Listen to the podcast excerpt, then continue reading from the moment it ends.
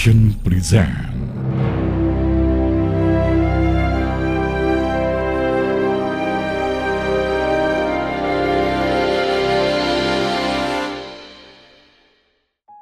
Assalamualaikum warahmatullahi wabarakatuh. Halo adik-adik semuanya, bertemu lagi sama Kak Yaya dalam podcast Cerita Nabi dan Rasul. Oh iya, adik-adik lagi main apa hari ini? Hmm, Kak Yaya ingin ingetin ya, kalau adik-adik ingin bermain di luar rumah, jangan lupa berdoa agar dijauhkan dari bahaya dan selalu diberikan keselamatan oleh Allah. Yuk bareng Kak ya kita baca doa keluar rumah ya. A'udzu billahi minasyaitonirrajim. Bismillahirrahmanirrahim. Bismillahi tawakkaltu wallahu la haula wala quwata illa billah.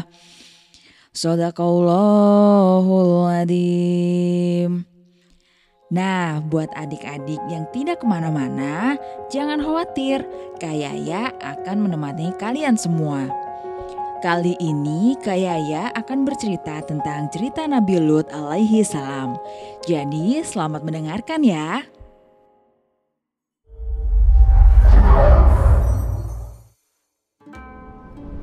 Nabi Lut adalah keponakan dari Nabi Ibrahim alaihi salam ia diutus oleh Allah untuk meluruskan akhlak kaum Sodom yang sudah sangat menyimpang.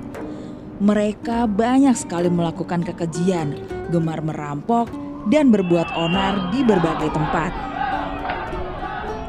Hampir setiap hari, kaum Sodom selalu membuat keributan di desanya. Hingga pada suatu hari, mereka bertemu dengan Nabi Lut. Saat itu Nabi Lut mencoba untuk menyadarkan kaum Sodom bahwa apa yang mereka lakukan itu sangatlah dibenci oleh Allah. Akan tetapi mendengar perkataan Nabi Lut, mereka malah marah dan meminta Nabi Lut untuk diam dan tidak mencampuri urusan mereka. Mendapatkan perlakuan seperti itu, kemudian Nabi Lut memanjatkan doa kepada Allah memohon bantuan Allah untuk dapat menyadarkan kaumnya yang selalu membuat onar dan meresahkan penduduk lainnya. Pada suatu hari, Nabi Lut melihat kaum Sodom sedang berulah. Nabi Lut pun menghampiri mereka dan memperingatkan mereka agar tidak berbuat onar. Hei Lut, lebih baik kau pergi saja dari sini. Ini bukan urusanmu. Sudah kukatakan berkali-kali padamu, simpan semua omong kosongmu tentang azab Tuhanmu. Kalau memang benar Tuhanmu itu ada, coba turunkan azab sekarang juga kepada kami. Saat itu juga Nabi Lut memanjatkan doa pada Allah agar kaum Sodom diberikan hukuman yang setimpal karena tidak menghiraukan perintah Allah. Pada suatu pagi, Allah memerintahkan beberapa malaikat untuk menemui Nabi Lut. Kemudian saat berada di bukit, beliau bertemu dengan salah satu putri Nabi Lut yang sedang mengambil air. Para malaikat utusan Allah turun ke bumi sedang menyamar berubah menjadi pria yang tampan dan menanyakan rumah yang bisa mereka singgahi kepada putri Nabi Lut.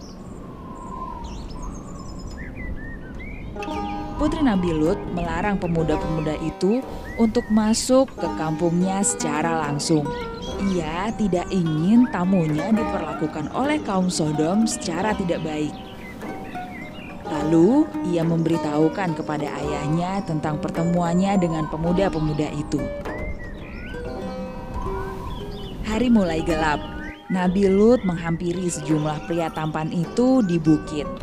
Ia membawanya ke rumah tanpa sepengetahuan orang-orang kampungnya. Setibanya di rumah, Nabi Lut menjamu para tamunya. Dan tak lama setelah mereka sampai, datanglah warga kampung berbondong-bondong menuju rumah Nabi Lut, lalu menggedor pintu rumah Nabi Lut. Hei Lut, keluar kau. Aku tahu kalau di dalam rumahmu ada sejumlah tamu pria. Buka pintu, Jangan diam saja kau. Dari dalam rumahnya, Nabi Lut menahan pintu untuk melindungi tamu-tamunya. Demi Allah, jika aku punya kekuatan, aku akan menghukum kalian. Wahai Lut, sesungguhnya kami adalah para utusan Allah, dan mereka tidak akan bisa mengganggumu. Sesaat kemudian, warga kampung berangsur pergi meninggalkan rumah Nabi Lut karena tidak berhasil membuka pintu rumah Nabi Lut. Para malaikat akhirnya memperkenalkan diri mereka dan menjelaskan tujuan mereka menemui Nabi Lut. Lalu para malaikat meminta Nabi Lut beserta keluarganya untuk meninggalkan kampungnya.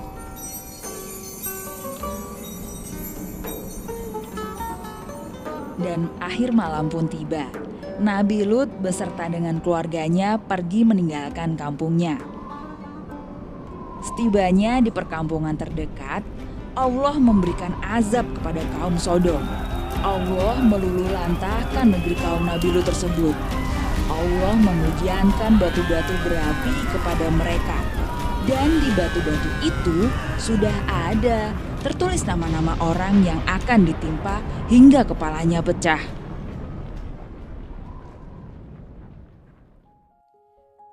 Wah, kaum Sodom itu mengerikan ya adik-adik. Kita nggak boleh ya mencontoh seperti itu ya adik-adik. Karena Allah tidak suka dengan perbuatan yang tercela. Sebagai makhluk ciptaan Allah, sebaiknya kita hidup dengan rukun antar sesama. Dan tidak boleh saling menyakiti ya adik-adik. Baiklah kalau begitu, sampai di sini dulu cerita Nabi dan Rasul kali ini. Insya Allah, kita akan bertemu lagi di cerita-cerita seru lainnya. Wassalamualaikum warahmatullahi wabarakatuh.